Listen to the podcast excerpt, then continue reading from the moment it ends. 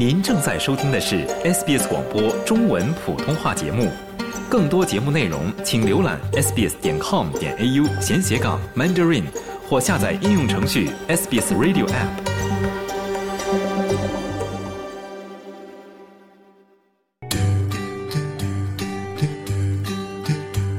在澳洲生活对你意味着什么？是每天清晨新鲜的面包和咖啡香气，是广袤蓝天、金色沙滩、清澈海浪，是与家人共度时光，是感受不同的人生际遇。不不不，它也是是几代人的价值观碰撞，哎呀，妈，你就别管了。是期望和压力的交织，别玩了，回去给考 OC 补补课去。是跨文化的交流与误解。他说那话啥意思？是不是针对我？澳洲生活千滋百味，等你来谈。SBS 全新热线节目《生活相对论》，每周一早上八点二十分播出。生活相对，有趣绝对。生活百味尽在耳边，听众朋友早上好，您现在正在收听的是 SBS 中文普通话全新热线节目《生活相对论》，我是主持人海伦，我是雨夜。今天呢，我和雨月是在墨尔本和悉尼两地跨州进行主持啊啊，我们我俩是第一次合作，希望可以擦出不一样的火花。嗯，很期待啊！那今天的节目呢，我们也是要跟大家聊一聊一个非常接地气的话题啊，相信是跟每一个华人朋友都息息相关。嗯，那就是如何在生活成本如此高的情况下过大年。生活成本直线飙升，还贷利率也涨得厉害。在这个节骨眼上啊，过年就出现了两种版本，就是少花钱的简朴版和大手笔的繁华版。您是选择节俭理财、精打细算呢，还是尽情享受大操大办呢？这个年您是怎么过的呢？嗯，听众朋友们，非常欢迎您拨打我们的热线电话一三零零七九九三二三一三零零七九九三二三，参与我们的生活相对论热线节目，分享您的经历和故事。那现在我们的热线呢，也是已经向您开通了。嗯，就欢迎听众朋友们踊跃拨打哈。那我们在接听这个听众的热线之前呢，我们先来看一些数据啊。就是在这个先驱太阳报曾经在今年一月二十三号的时候透露，缩水式通胀可能会在短短三个月内促使降息，但是家庭呢将继续与高昂的生活成本做斗争。这里跟大家解释一下这个缩水式通胀的概念哈，它就是指同样的价格下，消费者现在只能买到更少数量的商品了。而我们这个目前看到的情况呢，也确实是这样哈。在二月二号的时候，澳洲的四大银行均开始下调其一年期的定期存款利率，分别降低了百分之零点一到百分之零点三不等。那澳大利亚统计局 ABS 的数据也显示呢，澳大利亚目前通胀放缓，消费支出疲软，并且失业率上升。嗯，没错，现在是感觉同样的钱买到的东西是更少了。嗯，那在过年的时候要买一些东西也是非常必要的。那在今年新年伊始的时候，SBS 新闻也是刊登过一篇名为《缓解生活成本危机的三种办法》的文章啊。那作者认为呢，现在是大家努力争做预算大师的时候了，要好好的计划这个钱要怎么花呀，要每一分钱都花在刀刃上，要睁大眼睛识别和削减那些可能。会悄悄耗尽钱包的非必要的成本啊，比如说可能不会经常用到的会员卡之类的。比如说，可能是 Costco 的会员卡哈。那同时呢，也要建议大家，无论是对于贷款的利率、保险产品，还是能源供应商啊，比如说电费、水费啊，都是要采取货比三家的战略啊。所以呢，今天我们的生活相对论热线节目呢，也是与这个日渐看涨的生活成本相关哈。嗯，生活成本直线飙升，还贷利率也涨得厉害啊！在这个节骨眼上，过年出现了两种版本：简约版和奢华版。您是选择节俭理财、精打细算，还是尽情享受啊？这个嗯，大操大办呢？啊，这个年您是怎么过的呢？我们的热线电话一三零零七九九三二三已经向您开通了，欢迎您踊跃参与节目，分享您的经历和故事。嗯，没错。那 Helen，我们说到这个过年啊，华人过年其实办年货啊，这些吃各种美食啊，肯定是省不了的。那 Helen 这个年您是怎么过的呢？嗯。我呢，其实是比较 可能因为从小就是长辈啊带大的关系，所以我就比较属于前者，就是比较节俭型的。那么，但是我有一个宗旨，就是年味儿要有，亲情和团圆也要有，但是交流和沟沟通也要有，但是铺张浪费呢就不该有了。嗯，哎，那这是我的一个观点。嗯。我的话呢，我新年的话，其实跟 Helen 也是差不多啊，跟海伦刚才说的一样，这个亲情要有啊。那我呢这边因为很多的呃家人都是在中国，所以我这边呢是友情一定要有啊。大年三十呢是跟很多的朋友一起吃了年夜饭，然后大年初一呢又是跟很多在澳洲这边的亲戚朋友啊一起吃了饭，所以是可以说是朋友和家人这两边都是兼顾到了。然后说到这个。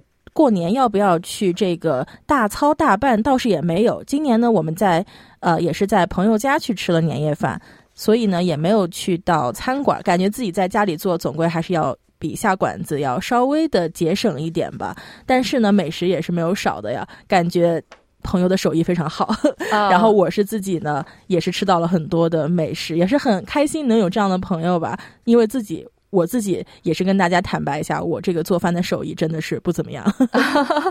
其实我觉得，就是说您刚才提到的去饭馆吃还是在家里吃，都各有各的好啊。因为没错哈，这个一年到头了嘛，一家人总是希望可以在家里小聚一下，烧几道小菜，喝几杯小酒啊，跟家里人说一说这个一年来的工作和生活，把平时想说的没说的事儿呢，就是一吐为快。那万一喝醉了，哎，还可以直接躺倒。哎，说的对，这。点真的很重要。如果是下馆子的话，难免可能要开车呀，所以感觉在喝酒上还是有很多的节制。但是如果是在自己家，可能就可以放开的喝了。没错，没错。然后最重要的呢，还是自家人吃饭嘛，肯定也就不需要过于铺张浪费了哈。啊，当然了，去饭店吃的话，还是会比较省事儿的，特别是可以。对，省掉像买菜呀、洗菜啊、烧菜的麻烦，因为这些事情啊，其实既耗时又耗力，还费神。嗯，而且呢，没错，而且呢，我还是听到最近身边有朋友说啊，他因为是呃两个人一起去过大年三十，然后也是想到外面去下馆子去搓一顿啊，但是他是遇到了一个什么样的问题呢？他是说目前呢，就是在大年三十想要在唐人街或者是其他的地方吃一顿中餐。其实是很难的，因为很多地方的这个餐馆已经都订满了。对，如果想要去这个呃比较吃一顿比较呃高档的中餐吧，已经是。比较困难的，特别是两个人的话，嗯，所以我觉得在这种情况下，在家里做饭也是一个比较好的选择。嗯，不过我也可以理解，这两个人肯定也想浪漫一下，因为毕竟这个 过年这个时间刚好跟情人节差不多的一个时间段哈。哎，情人节也是没有两天的时间就要到了。嗯，我们这边还是要提醒一下大家哈，情人节也要庆祝，家人和情人都不能放掉。哎，没错哈。然后我身边有一个朋友呢，他是即将在。情人节呢，去迎来自己的宝宝，他也是定在了在情人节的这一天来做一个剖腹产啊，所以我感觉也是非常的喜庆的一个日子吧。既是情人节，哎，既是情人节，又是过年，然后同时呢，还会迎来一个新生命的降生。对，我觉得吧，其实去饭店吃有一个特别大的好处，就是我记得以前小时候哈，像我外婆，她是一年到头任劳任怨，勤恳持家。但是到了年三十儿也轻松不了，还忙着给我们一大家子人烧一大桌子的菜哈，所以他老人家永远是那个最后上餐桌的人。但是现在如果是去这个饭店吃饭的话呢，就是有一点好，就是说这个唯一经常烧饭的这个人就不用再管这些事情了。嗯，一年到头下来可以轻松这一天两天啊！对对，我感觉也是对过去一年这个自己在家里任劳任怨的这样一个回报，这样一个总结吧。哎，对对对，我相信这个听众当中当了妈的肯定会有同感哈。可能大年三十真的是不想做年夜饭了啊，没错。所以呢，去饭店吃饭肯定是可以保证家里每个人都能够在同一时间享受到这顿年夜饭的，但是费用肯定是要比在家里吃要稍微贵一些哈。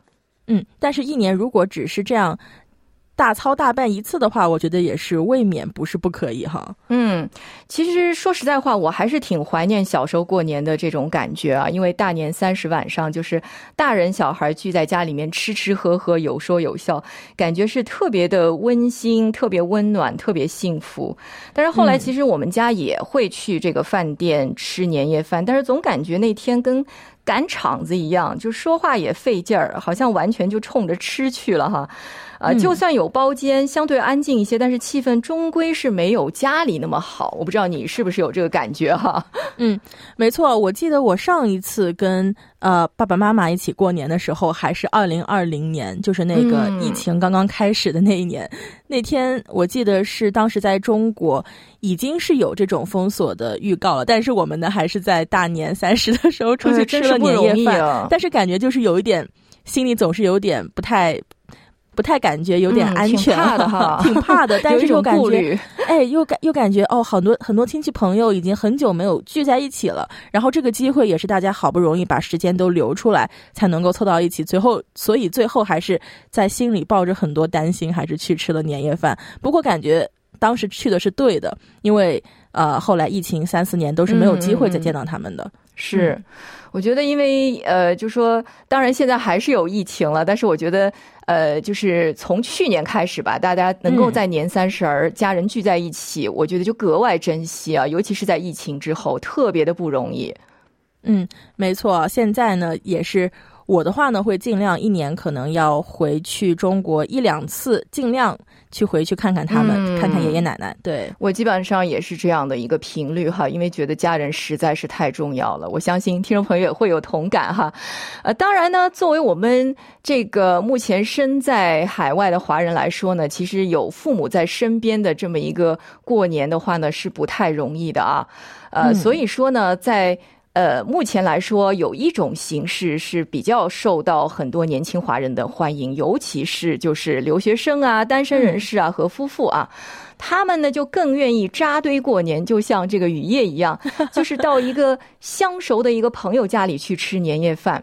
那每个人呢，我不知道你是不是这样哈？等一下可以跟我们分享一下。好，因为每个人呢，或者是每个家庭会根据各自的情况准备一两道或者是三四道菜，这根据您的个人 这个情况，您贡献多你就多贡献一点儿。嗯，那么这样的话呢，这个工作量不大，而且还很热闹。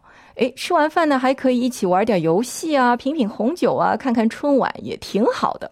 嗯，没错。那我们现在呢，要先过一段广告，在广告之后，跟大家一起来分享一下我们这个年是怎么过的。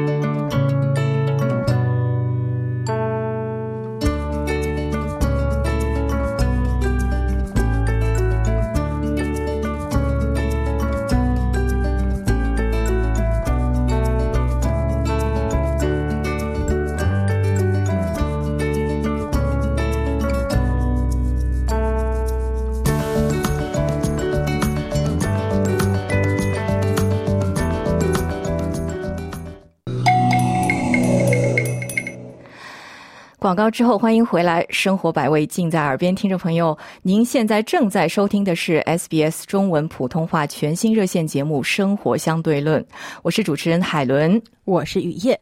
听众朋友们，在今天的生活相对论节目之中呢，我们是跟大家聊一个非常接地气的话题啊，那就是如何在生活成本比较高的情况下过这个农历的新年。生活成本直线飙升，还贷利率也涨得厉害。在这个节骨眼上，过年出现了两种版本：少花钱的简朴版和大手笔的繁华版。您是选择节俭理财、精打细算，还是尽情享受大操大办呢？这个年您是怎么过的呢？那听众朋友们，我们的热线电话一三零零七九九三二三现在是正在开通啊，非常欢迎您拨打我们的热线电话，跟我们一起来分享您这个年是怎么过的。嗯，那刚才雨夜呢是分享了他这个年是怎么过的这个方式啊，我还没有说到我是怎么过的哈。那我呢是吃货，而且我也会烧，我也喜欢跟大家就是分享美食，所以说我逢年过节呢，就是在不太忙的情况下吧，如果我们的 组里没有给我安排供。很多工作的情况下哈，我一般是会邀请朋友来我家过年的。那我也愿意花这个时间去研究菜谱、订菜单、买菜烧给大家吃。那我今年可以分享一下我的菜单哈，因为大家可能有些听众知道我是上海人，所以我烧的菜基本上还是。具有这个上海特色的，嗯，那我们上海人过年呢会烧一些，就是分得很清啊，会有冷菜，比如说像四喜烤麸、白斩鸡、色拉、糖醋小排。那么像热菜部分呢，我会安排像炒素、油爆虾、叉烧、清蒸鱼、红烧肉，还有最后来个汤全家福。那么像点心一类的呢，我准备的是春卷儿、八宝饭和水果羹。啊，然后这个饭后呢，我也会安排一些节目啊，像可能我有些中西合璧，比如说像 Monopoly，大家知道的这个大富翁的游戏，对。然后我自己呢，还有一个这个迷你高尔夫球的这么一个设备，所以说就朋友到我家来也可以玩一下迷你高尔夫。然后呢，还有一些像桌球啊、飞镖什么的，我这边也有。所以说每年的这个农历新年呢，我一般都会。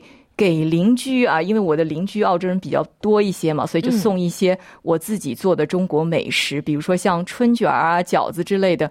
那今年我还额外送了蛋挞啊。我觉得过年呢，就是要有这个喜庆和热闹的这个气氛啊。虽然说我的爸爸妈妈都不在身边，但是我也应该把这种呃气氛去跟更多人去分享啊。我也愿意呢。当然也是很愿意去别人家过年了，但是我通常是会带上一两个拿手菜，或者是买一点好的食材去别人家里面烧，就是这样我刚才听到你的分享，我觉得我的身边需要更多像你这样的朋友，这样，因为我是。刚才也是跟大家一起说到，我是不太会烧菜，所以真的很需要有像海伦这样的朋友。那今年呢，我也是去到了这样的朋友家去蹭这个年夜饭啊，然后也是像刚才我们跟大家说到的，跟朋友一起扎堆过年啊，到这个朋友家去吃年夜饭。然后呢，大年初一的时候呢，是去到了亲戚家去吃饭。那当天呢，也是带了一个自己做的一个啊。一个菜吧，就是一个南非风味的一个肉干儿，跟大家一起来分享。对，我记得，你知道吗？在我们今年这个去年吧，嗯，我们台里这个圣诞喜庆，我们经常组里会有就是很多语种的这节目组聚在一块儿搞了一个圣诞宴的时候，就有一位南非的这个我们的工作人员就是带来了这么一道美食。哎，我觉得还是非常别有风味的。嗯，我还记得那个味道。我家里年纪比较大的亲戚他们说，哎，这个我真的咬不动哎。但是我说你把它整个的包在嘴里，然后去包一会儿，这样。等它慢慢软化之后，就可以去品味到它的风味了。好主意，好主意，没错哈。嗯，那么其实呢，说到这个准备年夜饭的话，其实我们还有一点就是说，我不知道大家是目前是怎么消费，到底是比如说买的时候，我们结账的时候是去刷卡还是付现金哈？因为呢，这为什么会提到这个问题呢？因为最近的数据显示啊，在顾客使用银行卡支付的时候呢，澳大利亚有越来越多的商家收取额外的费用，以应对不断上涨的这个成本。嗯，那么澳大利亚储备银行去年十一月发布了一份报告，其中显示呢，二零一九至二零二二年间呢，使用信用卡和借记卡当面支付而被收取附加费用的这个数量呢，是增加了百分之七十七点五。嗯，支付服务提供的这个提供商 Tyro 的另一份这个报告也显示呢，餐饮和接待场所是收取附加费最多的地方。那么去年五月呢，在顾客刷卡支付的时候，采取该公司服务的百分之四十三的酒吧和餐馆呢，以及百分之四十二的咖啡馆和餐馆都收取了附加费。哎，与此同时呢，使用现金的澳大利亚人却在减少。嗯，没错。那么同样是根据澳联储的数据，二零一九年有百分之二十七的个人交易使用现金，而到了二零二二年呢，这一比例是下降了一半以上，仅为百分之十三。嗯，那么商家到底是怎么收取多少？就是。多少费用呢？那我这边也有一些资料哈，就是当你使用银行卡购物的时候呢，你购物所在的商家会产生处理该交易的成本。那有些企业呢是选择自行承担费用，而有些企业呢则通过收取附加费将费用转嫁给客户。那么根据这个澳大利亚储备银行制定的，并由澳大利亚竞争与消费者管理委员会执行的这个规定，企业不得不收取高于处理特定类型付款成本的附加费，哈。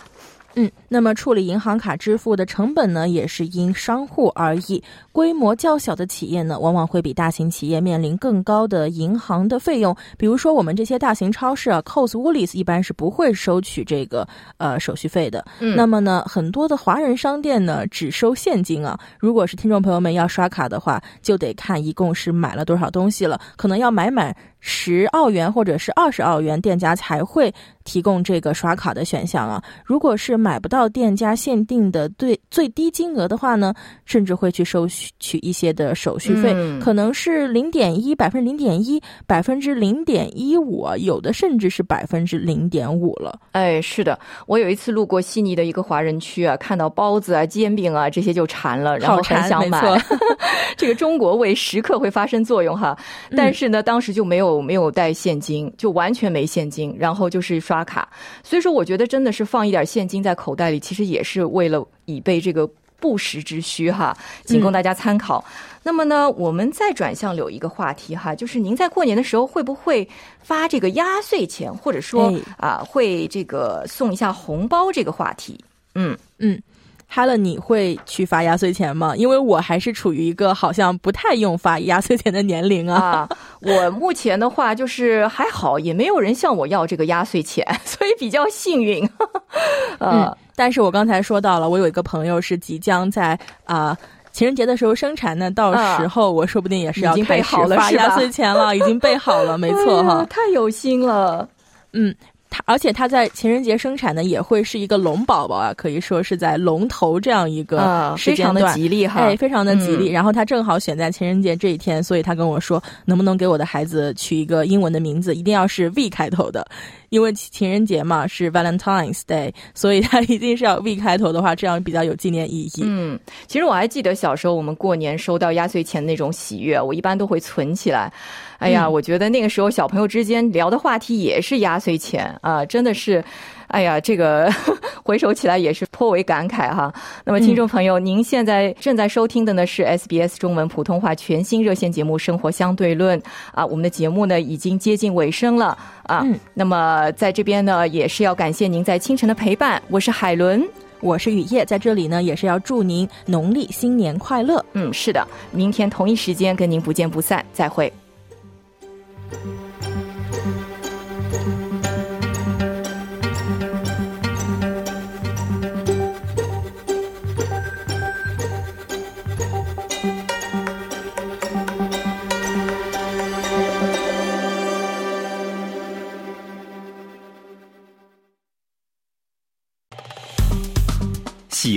分享、评论，欢迎您在 Facebook 上关注 SBS 普通话页面。